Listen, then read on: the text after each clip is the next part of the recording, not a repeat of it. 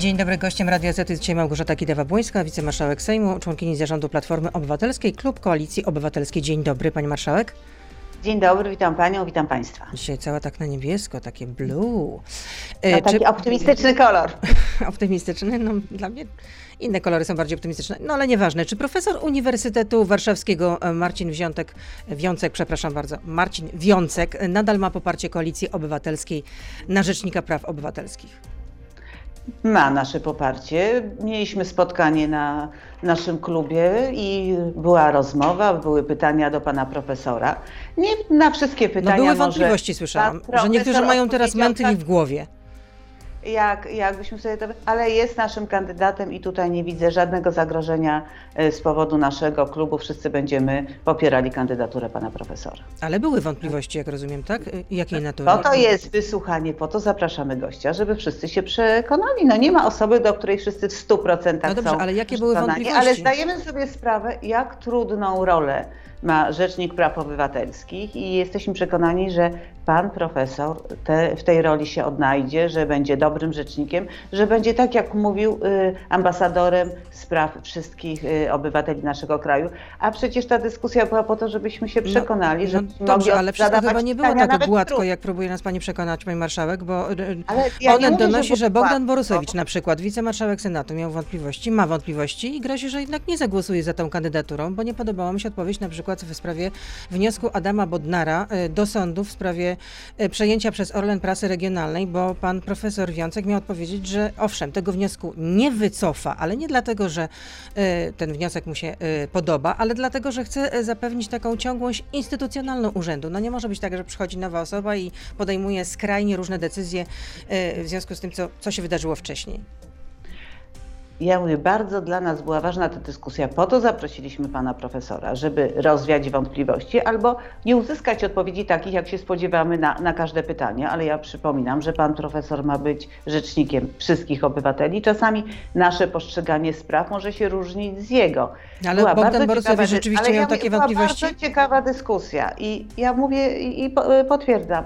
Pan profesor ma nasze poparcie i nasze wsparcie i taka była konkluzja klubu. Czyli pani nie ma wątpliwości. Ciągle nie chce pani od odpowiedzieć na pytanie, że jednak te wątpliwości były, tak jak w przypadku Bogdana Borusewicza. Rozumiem, że Bogdan Borusewicz Ale zgłasza je. zawsze wybierając osobę, no ktoś może mieć wątpliwości, kto nie. To nie jest tak, że wszyscy są w 100% przekonani do każdej kandydatury.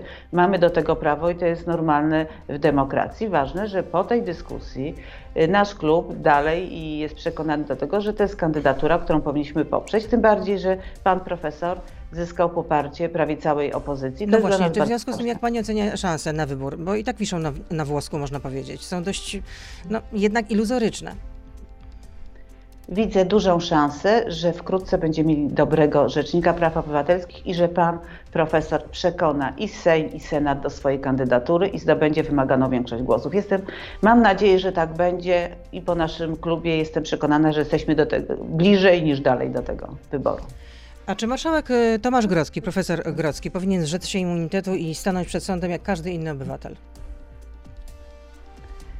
Pan marszałek Grocki znalazł bardzo za skórę Prawo i Sprawiedliwości i naprawdę to, co się dzieje od właściwie od momentu, kiedy objął swój urząd, szukanie na siłę spraw, oskarżanie profesora o, o, wiele spraw jest po prostu niegodne. Pan no profesor, dobrze, skoro pan profesor pan jest marszałek... niewinny, jak utrzymuje od samego początku, jest domniemanie y, niewinności, no to w takim razie najlepiej dowieść to przed sądem. A tymczasem no, prokuratura ja złożyła wniosek. Akurat.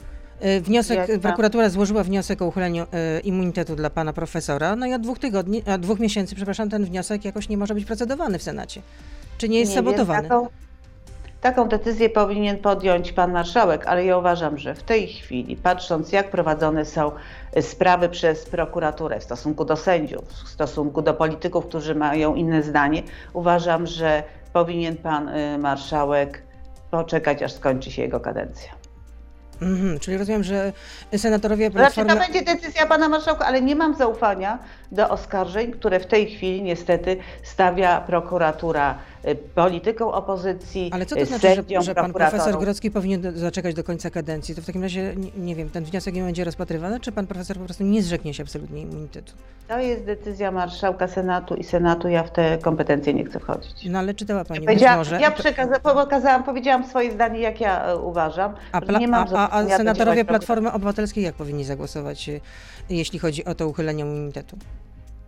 Zawsze w każdej sytuacji uważaliśmy, że każdy powinien dowieść swoich y, y, praw, swojej niewinności. W normalnej sytuacji, ale nie w sytuacji, kiedy prokuratura przygotowuje, prowadzi śledztwa w sposób, który moim zdaniem nie, nie może budzić zaufania bezstronności. No, ostatnie doniesienia prasy były takie, że e, prokuratura miała ustalić, że pan profesor miał żądać e, 10 tysięcy za osobistą operację, a 5 tysięcy za asystę. Ja nie będę tego komentowała. Y, Profesor y, Grodzki wielokrotnie zaprzeczał tej sprawie. Prokuratura od wielu miesięcy stara się y, oczerniać pana profesora. Nie mam do tej sprawy, do tego wniosku prokuratury zaufania. Co zrobi Senat, jaką decyzję podejmie pan profesor, pan marszałek, to jest jego sprawa. No, ale słowami Neumann na przykład mógł się zrzec, zrzec immunitetu, a pan profesor Grodzki nie? Przepraszam bardzo. Uważam, że pan profesor y, wie, co robi i to jest jego decyzja. Na pewno będzie dochodził tego, żeby oczyścić się z tych zarzutów, ale mówię, nie mam zaufania do prokuratury w tej chwili i do zarzutów stawianych sędziom, No ale o tym przesądziłby politykom. sąd. Na razie widzimy, jak działa prokuratura, jak rzuca oskarżenia na poszczególnych obywateli i jak to wszystko bardzo długo trwa. Do, od prokuratury do sądu droga jeszcze bardzo daleka. A czy Donald Tusk wystartuje w wyborach prezydenckich w 2025 roku? Na razie mówimy o tym, i to Donald Tusk zapowiedział, że zamierza jednak wrócić do polskiej polityki tu i teraz. Problemów mamy bardzo dużo, a No wybory dobrze, ale w jakiej roli w takim razie wróci? czas. Będzie nowym Do- przewodniczącym Platformy Obywatelskiej, czy wystartuje rzeczywiście w wyborach do uzupełniających, ewentualnie do Senatu? Y, O tej ewentualności sam pan Donald Tusk mówił, że, że to jest nierealne, natomiast do polityki można wrócić w różny sposób. Będą rozmowy, jaki? Będą rozmowy zapowiedziane Donalda Tuska z Borysem Budką. Dla mnie bardzo ważne jest to, co powiedział w tym ostatnim swoim wywiadzie, że dla niego Platforma jako formacja ma bardzo duże znaczenie No, i że wykreś, pokazał, co należy robić, z kim się nie należy wiązać, że jeżeli myślimy o przyszłości, trzeba się wiązać z ludźmi, którzy przestrzegają prawa, którzy mają mocny kręgosłup i nie łamią zasad konstytucji, dbają o praworządność w naszym kraju i No dobrze, mówią zawsze cały prawdę. czas interesuje, myślę, że nie tylko y, mnie, ale też część opinii publicznej, y, czy to nie są tylko takie czcze zapowiedzi, czy jednak y, jaka miała być ta rola Donalda Tuska, bo dzisiaj wi- Wirtualna Polska donosi, że właśnie nie przejęcie władzy w PO i nie miejsce w Senacie, tylko właśnie wybory prezydenckie w 2025 roku to jest ten cel dla Donalda Tuska. Zauważyła Pani, że cały czas rozmawiamy o tym, co piszą poszczególni dziennikarze, komentatorzy, mają do tego pełne prawo. Ale też jak po, po, posłuchaliśmy ostatniego wywiadu Donalda Tuska, wszystko w swoim czasie. Teraz trwają rozmowy w Platformie, y, t- w- na, między naszymi literami i poczekajmy spokojnie. Ja jestem bardzo zadowolona, że Donald Tusk wraca do polityki krajowej, a o wszystkich Ale w rzeczach jakim zostaną... charakterze? No to ma być taki patron generalnie jakiegoś nowego projektu? W jakim Ale charakterze? Donald Tusk, nie, Donald Tusk jest Donaldem Tuskiem i nie musi być ani patronem, jest, jest honorowym przewodniczącym Platformy, jest politykiem z największym doświadczeniem w Platformie, z największym dorobkiem. ale plan ma być nie też taki, że, że, że siebie, Donald Tusk nie właśnie miałby wrócić siebie jako patron yy, i w związku z tym no, miałby tak, można powiedzieć, że yy, przyciągnąć tych, którzy odwrócili się od Platformy Obywatelskiej. Chodzi o wyborców, też by, byłych polityków. Yy, w związku z tym Koalicja Obywatelska miałaby się odbić w sondażach. No i wtedy przywództwo stery przejmuje Rafał Trzaskowski, a Donald Tusk yy, yy, celuje w wybory prezydenckie. Na razie naszym zadaniem i chyba głównym celem i Donalda Tuska i nas wszystkich polityków opozycji jest to, żeby przygotować się do wyborów parlamentarnych, żeby jedna opozycja za, zaczęła działać razem, bo naprawdę celem jest nie to, kto obejmie jaki fotel, jaki urząd w, koalicji czy, czy w platformie, tylko żeby odsunąć PiS od władzy. I naprawdę. Ale to trzeba mieć ja- jeszcze jakiś program. Przepraszam. ale program akurat mamy i jeżeli ja słyszę, że Platforma nie ma programu, że Platforma nie jest przygotowana do rządzenia, jesteśmy przygotowani. Mamy przygotowane roz, bardzo dobre rozwiązania. Rzeczywiście od kilkunastu właściwie tygodni czy miesięcy cały czas słyszymy informacje, że Platforma ma się rozpaść, że, że nie, nie spadamy w sondażach. Rzeczywiście sondaże nie są dla nas w tej chwili budujące, ale my się zmieniamy, działamy i ja naprawdę z optymizmem patrzę w przyszłość, a zapowiedź właśnie naszego pierwszego szefa i naprawdę polityka, który u nas ma ogromne y, zaufanie i doświadczenie, że wraca do polityki, tym bardziej, bardziej optymistycznie patrzymy w przyszłość. Dyżurny optymizm Małgorzaty Kidawy-Błońskiej. Y, pani marszałek z nami zostaje. Jesteśmy teraz już na Facebooku, na Radio ZPL, na YouTubie. Beata Lubecka, proszę zostać z nami. I jako się rzekło, y, również członkini zarządu Platformy Obywatelskiej, czyli Małgorzata Kidawa-Błońska, wicemarszałkini, też mogę tak powiedzieć, wicemarszałkini Sejmu, chociaż, Może pani, pani chociaż pani woli y, znaczy, ja się przyzwyczajam formy. do tej nowej formy i już tak jeszcze pamiętam 6 lat Panowie temu, mają z tym problem. Tak, bardzo denerwowała wszystkich. Teraz się wszyscy przyzwyczajamy, język polski się zmienia. No, feminatywy były używane w II Rzeczpospolitej i wtedy były popularne, teraz nie są. No, system, Ale wracamy do nich. No, komuna je wypleniła, można powiedzieć. Jest pierwsza wizyta zagraniczna Joe Bidena, amerykańskiego prezydenta. Jest bardzo bogaty program, bo prezydent ma się spotkać, y, z, znaczy ma uczestniczyć w szczycie G7 w Wielkiej Brytanii, potem będzie w Brukseli podczas szczytu NATO. Będzie też rozmawiał w Genewie y, z prezydentem Putinem. E, czego pani się spodziewa po tym europejskim tournée? Albo co inaczej, co to europejskie tournée oznacza dla Europy i świata? Dla mnie to jest bardzo ważna wizyta i też znamienne są pierwsze słowa pana prezydenta, że Ameryka wraca. Bardzo ważna jest ta dobra współpraca e, Stanów Zjednoczonych z, z całą Europą, z Unią Europejską, bo problemy mamy wspólne. I ostatni czas y, prezydentury Donalda Trumpa to było takie oddalanie się Europy od Stanów Zjednoczonych. I w kwestii obrony, i w kwestii NATO, i współpracy gospodarczej. Więc to jest bardzo taki mocny sygnał, że Europa i Stany będą razem współdziałały wobec zagrożeń, które przynosi i Rosja, zagrożeń y, Chin. Bardzo mocny sygnał. Jestem przekonana, że te rozmowy no, dadzą taki pozytywny impuls. Szkoda tylko, że, że nie będzie spotkania z naszym prezydentem, że nie będzie Polski w tym głównym nurcie rozmów i że nie było tego telefonu do polskiego prezydenta. To jest bardzo przykre. A gdyby pani była teraz prezydentem, gdyby tak się wydarzyło, to o czym by pani chciała porozmawiać z Joe Bidenem? Jakie pytania by mu pani zadała?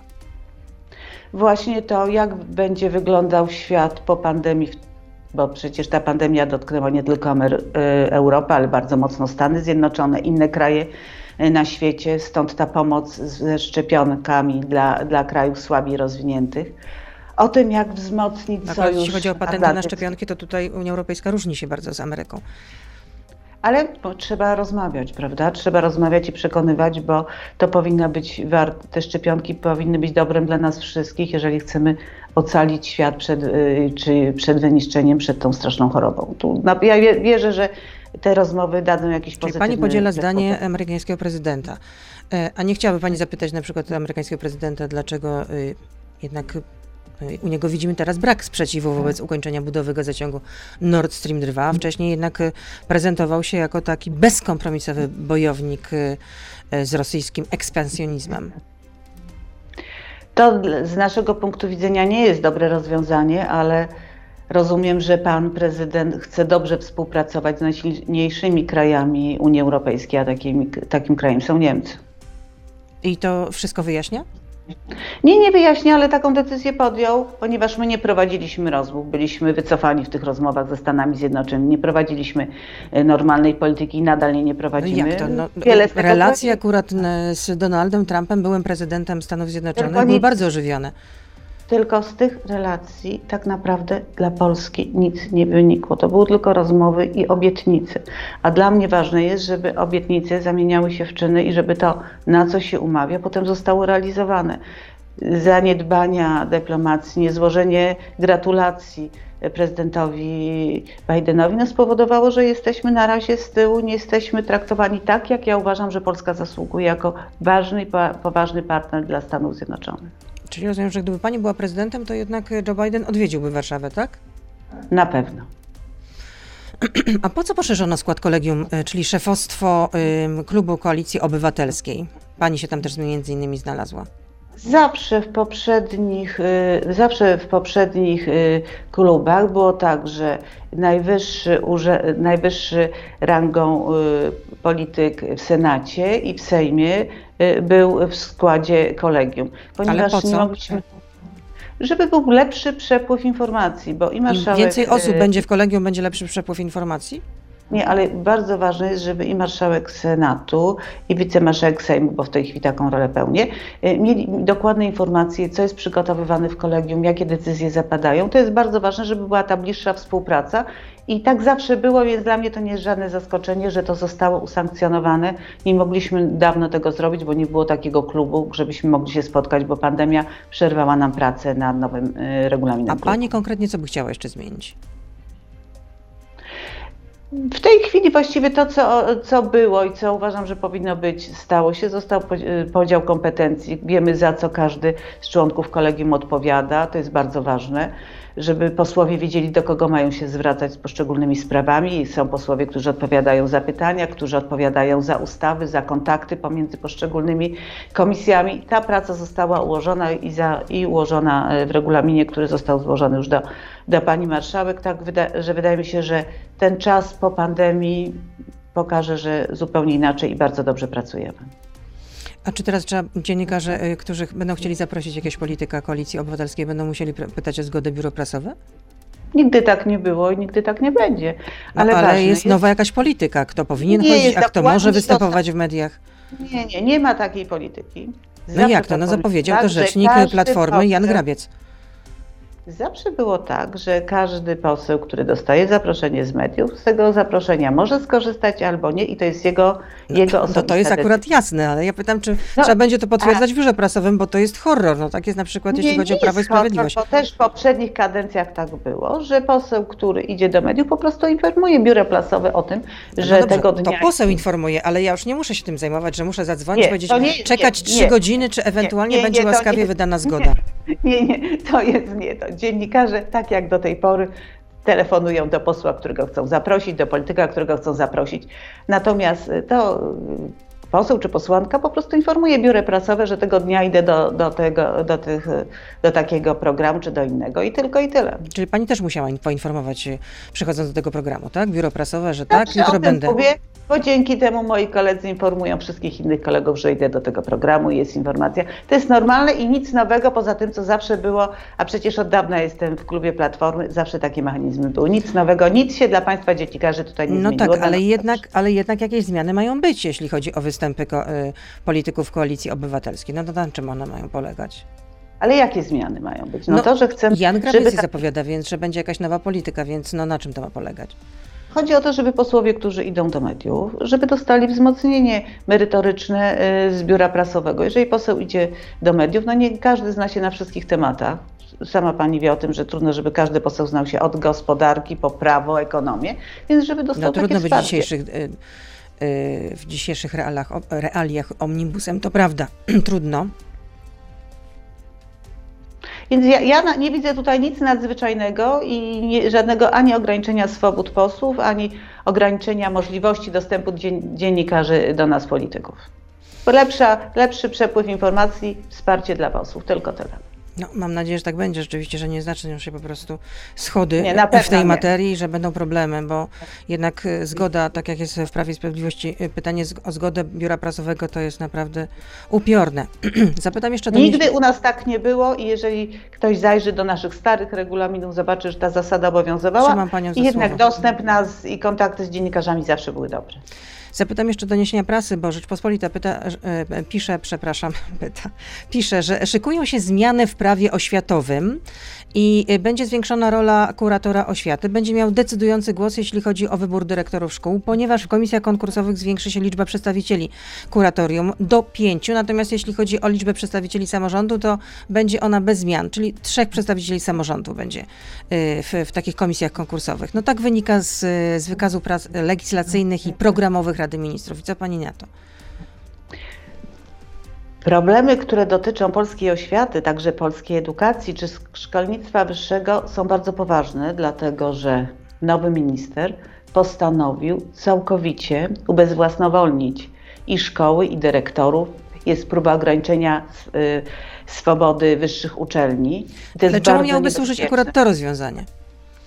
Po to, żeby wymienić do, dyrektorów, żeby to nie samorządy, nie grona nauczycielskie, nie rodzice decydowali, kto będzie dyrektorem danej szkole, tylko żeby decydował o tym minister, żeby wszyscy dyrektorzy byli absolutnie wierni linii partii, którą prezentuje Prawo i Sprawiedliwość i to jest bardzo niebezpieczne. Byliśmy dumni z naszego szkolnictwa, z poziomu nauczania naszych dzieci. Dzieci w szkołach miały świetne rezultaty w, na, w skali europejskiej, a w tej chwili zostaje ograniczana swoboda nauczania nauczycieli. To jest bardzo niebezpieczne. Nauczyciel nie będzie mógł y, w sposób przez niego, y, do czego jest przekonany, w jak najlepszy sposób uczył dzieci, tylko będzie musiał wykonywać ściśle polecenia kuratora, czyli tak de facto mistrza Czanka. To jest bardzo niebezpieczne i to jest, my na to tak na razie patrzymy, nie wszyscy zdają sobie sprawę, ale to jest zawłaszczanie i w ogóle niszczenie edukacji w naszym kraju.